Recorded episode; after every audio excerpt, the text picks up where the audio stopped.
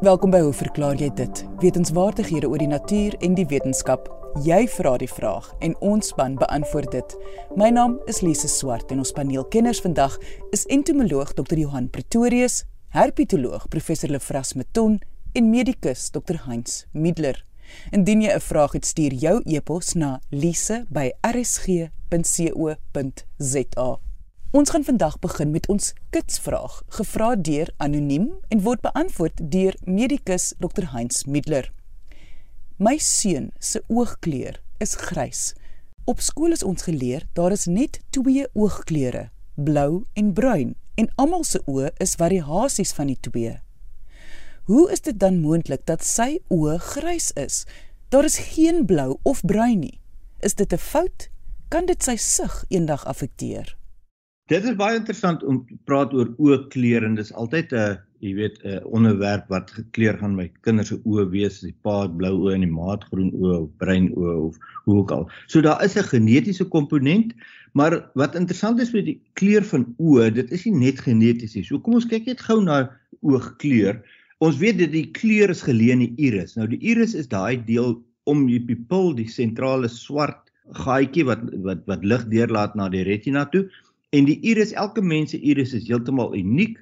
Dit is ook 'n manier hoe hulle mense identifiseer en ek dink binnekort gaan jy by liggawens net in 'n ding kyk en dan gaan hulle sê maar dit is jy of is jy nie net na gelang van hoe jou iris lyk want elke mens se iris is totaal en al uniek soos jou vingerafdruk. Nou die kleur van die iris word bepaal deur basies twee faktore. Eerstens is pigmentasie. Nou die pigmentasie van 'n soortgelyk aan die vel. Hoe donkerder jou oog is, hoe meer melanien het jy. So jou melanien bepaal jou oogkleur. So as jy bruin oë het, beteken dit jy het heelwat melanien. As jy baie baie donker bruin oë het, het jy meer melanien. So minder melanien jy het, hoe hoe minder uh bruin raak jou oë. So daar is 'n genetiese verwantskap. Hierdie hoeveelheid melanien word oorgeerf en weer eens mense wat UV blootstelling het om die ewenaar se oë is almal donker juis om hierdie beskerming aan hulle te verleen. Maar dit beteken nie hoe minder minder melanien jy het, hoe ligter en ligter laat jou oogkleur het. Dit is tot op 'n punt. Dan die tweede faktor buiten pigmentasie is die refleksie van ligstrale. En dit is waar ander kleur oë inkom. So kom ons kyk net gou na die algemeenste kleur is bruin soos ons gesê het. Omtrent 80% van mense het bruin en daar's verskillende skakerings en ons weet dit is te doen met melanien. En dan groen oë, ook 'n genetiese uh, belang daar en omtrent 30% van sê skotte het groen oë. So dit is redelik algemeen in Europa, baie mense het groen oë. En dan kry ons die ander twee is gewoonlik maar blou en grys en dan is daar 'n paar ander snaakse ligtere kleure, maar om te verduidelik hoe werk blou en hoe werk grys het meer te doen met refleksie van lig. So as jy het, uh, in jou agterkant van jou waar jou lig teen jou agterkant van jou iris skyn, word gereflekteer en afhangende van die samestelling van die van die um iris self is jou oogkleur blou of dit is grys. In partykeer jy sal ook sien dat mense sê, "Jo, maar jou oë is vandag baie blou of is baie grys." Dit het nie verander van kleur nie, maar dit illustreer net die feit dat dit te doen het met die refleksie van lig, hoe dit weerkaats, hoe die intensiteit is, hoe die sonstrale val. So jy het altyd blou oë, maar hulle kan blouer wees of hulle is altyd grys wat partykeer kan hulle diep grys wees en dit hang af van daardie refleksie. Interessant genoeg, ehm um, jy kry mense met verskillende kleure oë en ons noem dit heterokromie. Dit beteken jy het een sê maar blou oog en jy het een bruin oog soos David Bowie. Hy is 'n goeie voorbeeld en dit is redelik algemeen. Ek bedoel omtrent 1% van mense het verskillende kleur oë en dit kan heeltemal verskil. Dit kan nie net subtiele verskille wees nie. En wat interessant is, jy kry ook hierdie verskillende kleur oë in diere. Jy kan selfs katte, uh, dis redelik algemeen om 'n kat te sien met verskillende kleure oë. So die refleksie van lig is die bepalende faktor by ligte oë wat dit laat anders lyk en hoe ook om te verklaar hoekom dit partykeer dieper is van kleur of ligter is van kleur. Niks met die sig te doen. Die sig het te doen met jou kornea en met jou retina. So jou iris is basies net kosmeties. En dit was medikus Dr Heinz Middler. Piet Pelser van Klebega skryf: Ek het onlangs 'n artikel oor die smokkel van akedisse gesien. Dit was alreeds in 2018 gepubliseer. Maar ek dink my vraag hieroor is nog steeds relevant. Eerstens wil ek weet hoe die smokkelaars die akedisse in die veld gevang het. Stel hulle wippe of wat? Tweedens, as die smokkelaars in 'n padblokkade voorgekeer sou word en die akedisse gekonfiskeer sou word, wat sou dan van die akedisse word? Volgens die artikel kan hulle nie weer in die veld vrygelaat word nie. Piet se vraag word deur herpetoloog professor Lefras Meton beantwoord.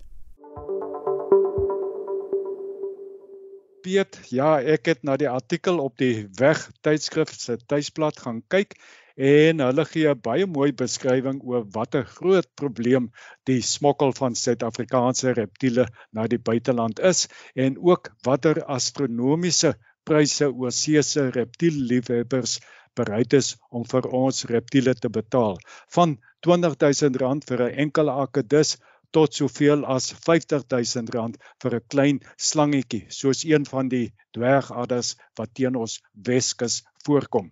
Gelukkig word hierdie smokkelaars swaar boetes en ook tronkstraf opgelê indien hulle nou in Suid-Afrika betrap sou word.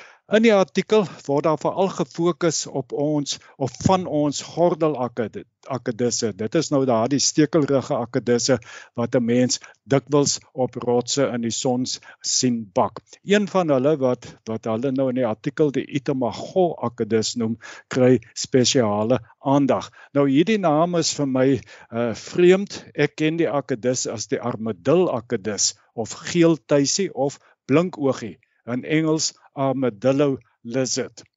Die Engelse naam is al baie jare in gebruik, seker al vanaf die 1920s en dit is ook die naam wat internasionaal gebruik word. Beide, die armadillo en die itamagog, is gepantserde soogdiere wat in 'n balletjie oprol net soos die akedus wat sy stekelstert vasbyt en ook in 'n balletjie oprol om homself te beskerm. Die armadillo en Itemagog is natuurlik heeltemal verskillende soogdiere en die naam Itemagog akedus skep dus verwarring in my opinie. Maar dit nou daar gelaat. Kom ons kyk bietjie na die vangmetodes wat die smokkelaars sal gebruik om ons akedisse in die veld te vang. Wanneer die smokkelaars of ek neem aan hulle sal nou daar langs die pad iewers stop of hulle sal op 'n gasteplaas gaan bly en bietjie vra of hulle in die veld kan loop of by 'n boer aankom en dan ook onder valse voorwendsels aan die veld gaan loop. Nou wanneer hulle in die veld ingaan, wil hulle natuurlik in die kortste tyd moontlik die meeste akedisse probeer vang. So daardie tegnieke wat tydrowend is, dit gaan hulle nie kan gebruik nie. Een so 'n tegniek sou wees om 'n soort van 'n 'n 'n barrière of 'n 'n versperring op te rig. So 'n heining gewoonlik van bouers plastiek plastiek hierdie swart plastiek. Hulle ek slaan nou paaltjies in die grond en span dan nou hierdie plastiek gewoonlik so 50 cm hoog en dan span hulle so 'n heining of versperring dan nou so oor 50 tree en selfs verder. En dan elke paar tree, sê elke 5 tree begrawe hulle 'n emmer in die grond reg onder die die heining of versperring sodat dat uh, aan weerskante die helfte van die emmer aan die kant uitsteek en die helfte van die emmer aan die ander kant van die versperring. So wanneer die akedisse nou of ander diere enige klein diertjie nou rond beweeg en hulle kom by hierdie versperring, dan sal hulle al met die versperring langs beweeg tot hulle uiteindelik aan die emmer val. Nou vir hierdie metode om effektief te wees moet die, die stelsel natuurlik vir 'n hele tydjie 'n paar dae opgestel wees en dit gaan nou nie werk vir die smokkelaars nie. Nou ek kan dink op 'n mooi sonskyndag uh sal die smokkelaars dalk nou van visstokke gebruik maak vir al daardie soorte wat so kan uittrek uh, so teleskopiese visstok van hulle kan tot 6 meter lank wees. Dan word daar nou aan die punt van die stok 'n lissie vasgebind van vislyn of somme van tandeflos en dan word uh, gewoonlik aan die as mens jy kan in die veld redelik naby aan 'n akedus kom as hy nou buite sit. En dan gaan jy nou nader en dan is die gedagte jy moet nou met die visstok die lissie oor die akedus se kop probeer kry. Mens hoop maar die wind waai nie want dan is dit nogals baie moeilik as jy die lissie oor het, dan pluk jy die stok en daar het jy jou akedus. Op 'n sonskyndag as die akedisse buite is, kan jy ook hulle ook met 'n 'n rubberband, 'n rek skiet en dit werk ook baie goed. Uh gewoonlik is hulle maar net so bedwelmd die akedisse as jy hom getref het en hy jy kan hom dan maklik vang. Maar ek dink die metode wat die meeste smokkelaars gebruik en wat werk uh maak nie saak hoe sleg die weer is, die wind kan maar waai, dit kan reën, bewolk wees of die son kan skyn en dit is om maar net rond te loop gewapen met 'n koevoet in die een hand en dan rol jy klippe om en jy loer in skere in klein flitsliggie wat jy inskyn en as jy nou in 'n klipskeer 'n akedus sien dan gaan jy die klipskeer bietjie probeer oopwoel met die met die met die koevoet en dan het, het hulle 'n ander stukkie apparaat en dit is 'n kort koperpypie sê so 40 cm lank met vislyn deur die pypie geruig en dan aan die voorkant is daar 'n lissie. Uh dan word die pypie nou in die skeer ingesteek en probeer om die lissie oor die akedus se kop te kry, trek dan nou van die agterkant af van die pypie die lyn styf of die lissie styf en dan trek jy die akedus uit die skeer uit. Dit werk eintlik baie goed. Hierdie armadil akedus, nou ons ken hulle, hulle kan in in groot groepe bly. Ons het al groepe van tot in die 50 akedus gekry wat onder 'n enkele rots wat bo op 'n ander uh, klip of rotsbank gelê het gekry. En as mens so 'n situasie kry, so 'n groot groep en jy lig met die koevoet die een kant van die rots bietjie op, dan uh en jy sit ander kleiner klippe in as wigte, laat daar 'n opening onder die uh, laat die die skeer nou bietjie wyer is, dan kan jy met hierdie klein koperpypie sommer in 'n kort tydjie 'n klomp klomp akedisse vang. Nou natuurlik weet hierdie koevoet rig die mense baie skade aan in die natuur en ja, dit is dit is eintlik 'n groot probleem. Kom ons gesels bietjie oor wat maak nou wat gebeur met die akedisse as hulle nou gekonfiskeer sou word by 'n by 'n padblokkade of selfs op die lughawe in die artikel en Piet noem dit ook dat die akedisse as mens nie 100% seker is waar hulle vandaan kom nie, hulle oorsprong nie, dan kan hulle nie in die veld vrygelaat word nie want hulle sou uh siekte toestande kan oordra na die die uh die plaaslike populasie en dit wil jy nie hê nie, maar seker die belangrikste uh probleem is dat uh, jy die genepool gaan te mekaar krap. Nou dit klink nou half uh, dit is kan mos nie so erg wees nie, maar dit is nogals erg. In in die geval van van die uh armadil akedus byvoorbeeld, in sekere dele is die akedisse minder geneig om hulle sterte vas te byt en in 'n balletjie te rol as in ander streke en dit het te doen met watter tipe predatore daar teenwoordig is en die die hele gedrag van hulle is geneties vasgelê. So as jy nou die akad, vreemde akedisse kom los, dan kan hulle daardie hele storie de mekaar krap en dit sal nogals hartseer wees. Uh as hulle dan nou nie vrygelaat kan word nie, wat word dan van die akedisse? Nou in die ou dae uh het die navorsingsinstansies dan nou gewoonlik die ag nee die die ekskuus die natuurbewaringsinstansies het dan nou gewoonlik die na, navorsingsinstansies soos museums en uh, universiteite genader en gehoor of hulle nie die, die materiaal wil hê nie, die akedisse wil hê nie en dan is daardie akedisse dan in 'n nat versamelings. Met ander woorde, hulle is hulle is uh, uitgesit of doodgemaak en dan nou in etiel alkohol uh, gesit en dit word dan nou bewaar vir navorsingsdoeleindes. Andersins kan die natuurbewaringsinstansies ook diere skenk aan bona fide instansies soos uh dieretuine en sulke tipe plekke waar die diere dan nou uitgestel kan word vir die publiek om te kan sien en wat hulle weet hulle kan hierdie mense vertrou dat hulle goed na die diere sal kyk. So dit is min of meer my antwoorde op op hierdie twee vrae. En dit was herpetoloog professor Lefras Meton. Indien jy 'n vraag het, stuur jou e-pos na lise@rsg.co.za of direk deur RSG se webwerf. Gaan net na www.rsg.co.za.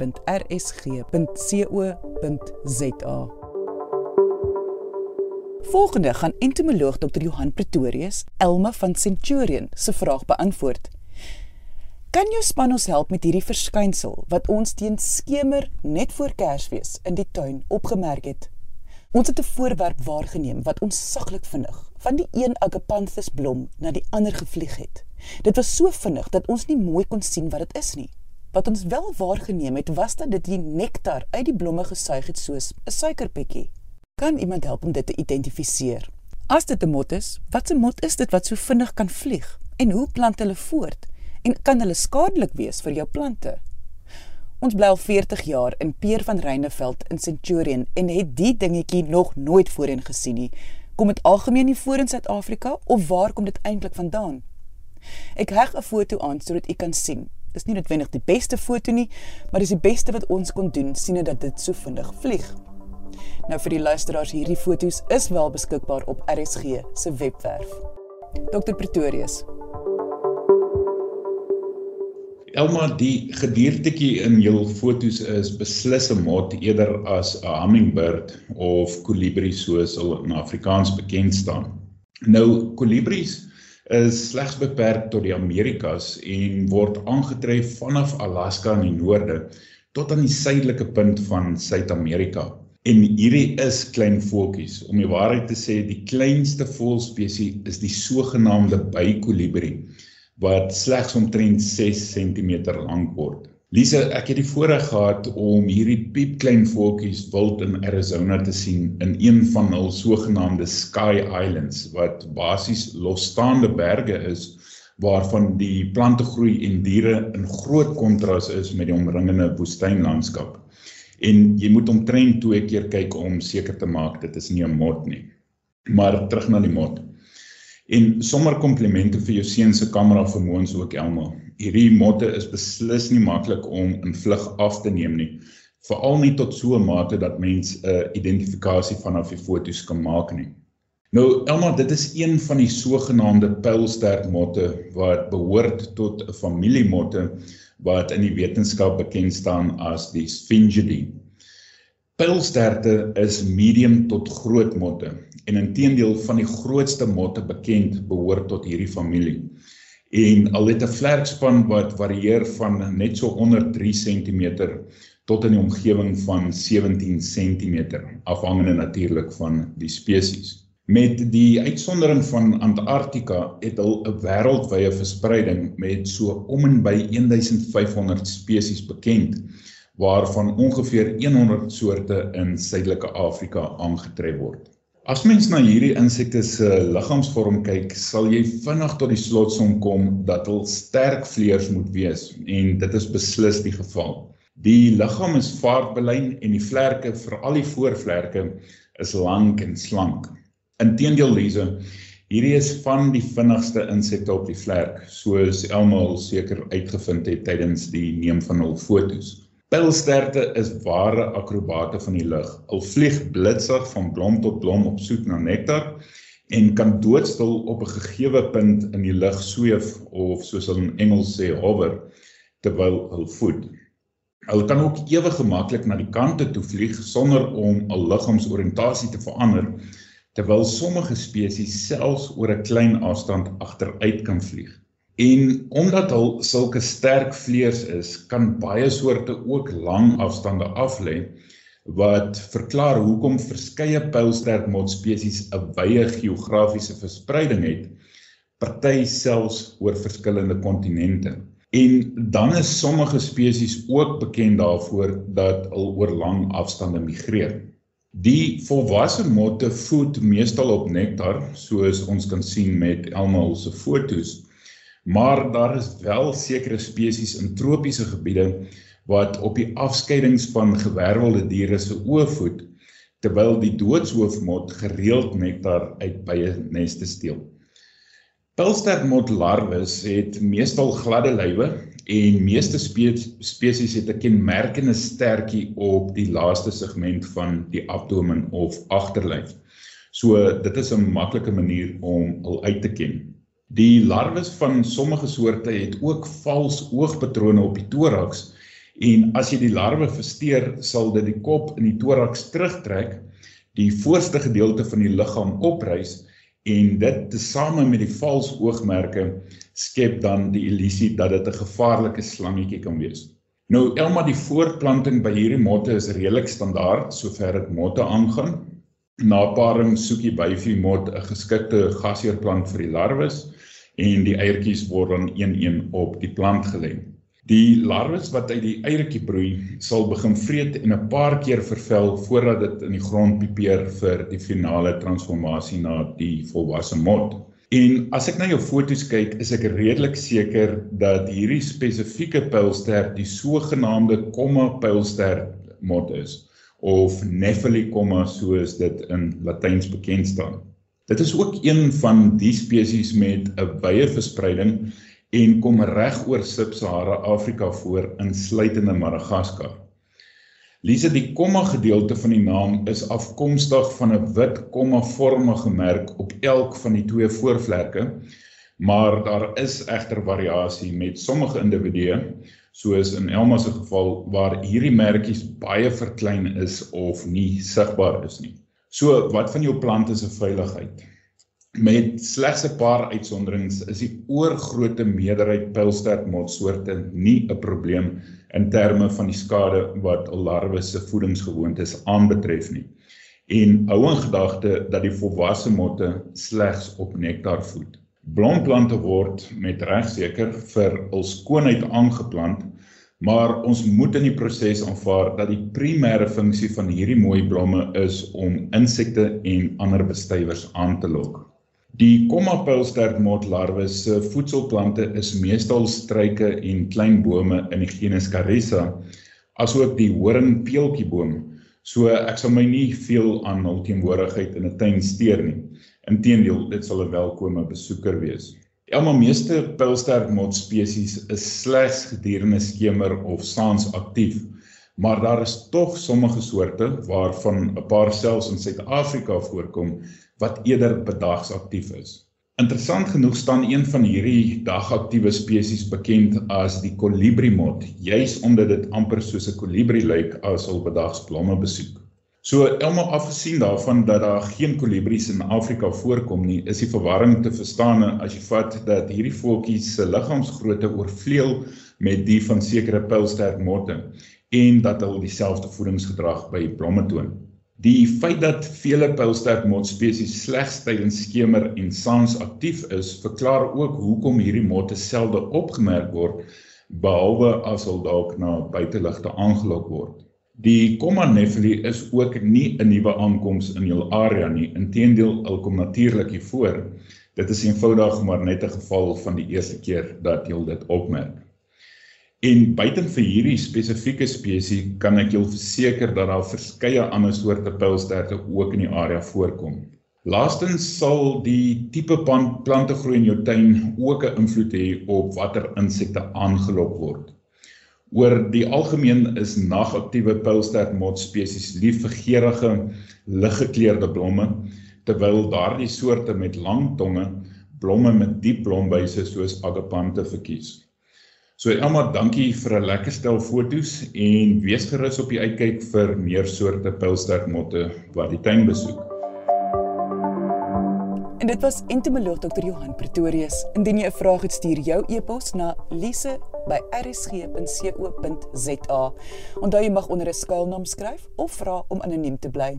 Ek sê baie dankie aan ons kenners en vraagstellers vandag. Onthou om altyd nuuskierig te bly en vra te vra. Tot volgende week hier op RSG saam met my Lise Swart.